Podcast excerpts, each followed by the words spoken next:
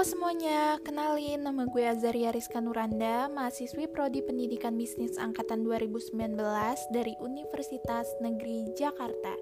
Di podcast kali ini gue mau ngebahas mengenai analisis SWOT salah satu marketplace yang menurut gue banyak sekali orang-orang menggunakan e-commerce ini untuk belanja online. Kira-kira kalian bisa nebak e-commerce apa sih itu? Yap, Betul, e-commerce tersebut adalah Shopee, marketplace unik dengan elemen media sosial. Oke, pertama gue pengen ngebahas dulu nih apa itu SWOT. SWOT adalah metode perencanaan strategis yang digunakan untuk memonitor dan mengevaluasi lingkungan perusahaan, baik lingkungan eksternal dan internal, untuk tujuan bisnis tertentu. SWOT merupakan akronim dari kata kekuatan atau strength, kelemahan atau weakness, peluang atau opportunities, dan ancaman atau threats dalam suatu spekulasi bisnis. Sekarang di sini siapa yang suka belanja online? Pasti banyak ya. Dan gue sendiri juga lebih suka belanja online ketimbang har harus belanja langsung ke tokonya sih. Kemudian menurut gue berbelanja online juga dapat membantu pada masa pandemik sekarang ini sih agar kita mengurangi yang namanya keluar rumah.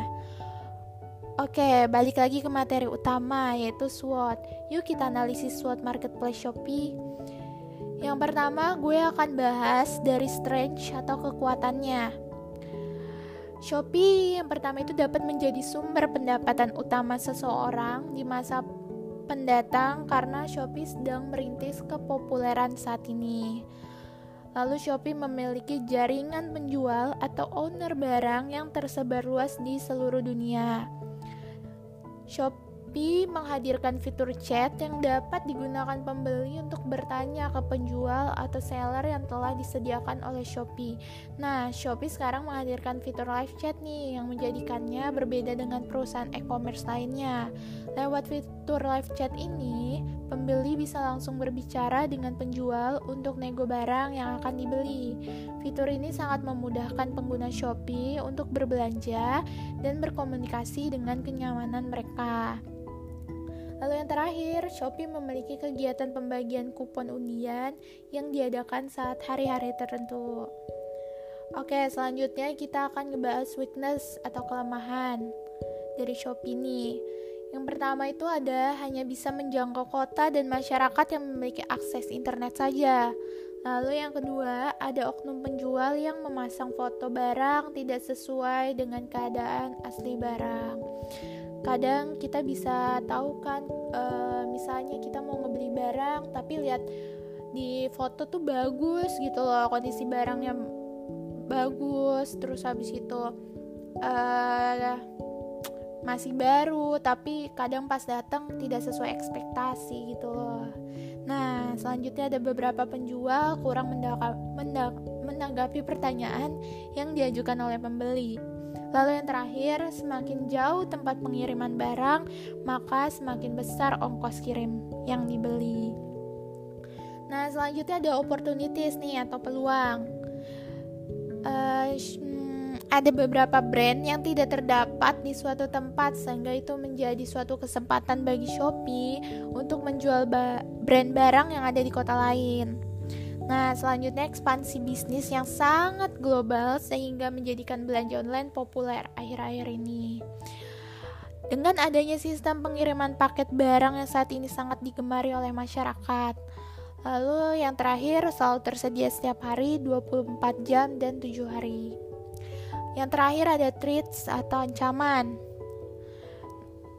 Ancaman apa aja sih yang dialami oleh Shopee? Nah, yang pertama itu adanya hacker atau pembajak dunia maya yang dapat merusak sistem dari Shopee. Lalu yang kedua, peraturan pemerintah bisa saja sesekali merugikan perusahaan. Lalu yang ketiga, adanya kompetitor yang terus berkembang dengan inovasi-inovasinya. Lalu yang terakhir, kurangnya minat pembeli karena adanya ketersediaan barang yang mereka inginkan di daerah mereka. Nah, dari hasil analisis tersebut, dapat menunjukkan bahwa Shopee Indonesia mampu menjadi perusahaan belanja online terbesar yang menduduki posisi pertama pada tahun 2017 di Indonesia dengan berbagai kelebihan pelayanan maupun jaminan keamanan transaksi. Namun, Shopee juga masih memiliki beberapa kelemahan nih, di antaranya terkesan rumit dan tidak efisien disebabkan adanya bagian pembeli dan penjual tampilan deskripsi produk yang dinilai kurang menarik perhatian pembeli dengan masih banyaknya konsumen yang mengalami penipuan. Namun, perusahaan Shopee Indonesia menggunakan strategi garansi Shopee, gratis biaya pengiriman, dan garansi harga termurah untuk menjadikan perusahaan belanja online terbesar dan nomor satu di Indonesia.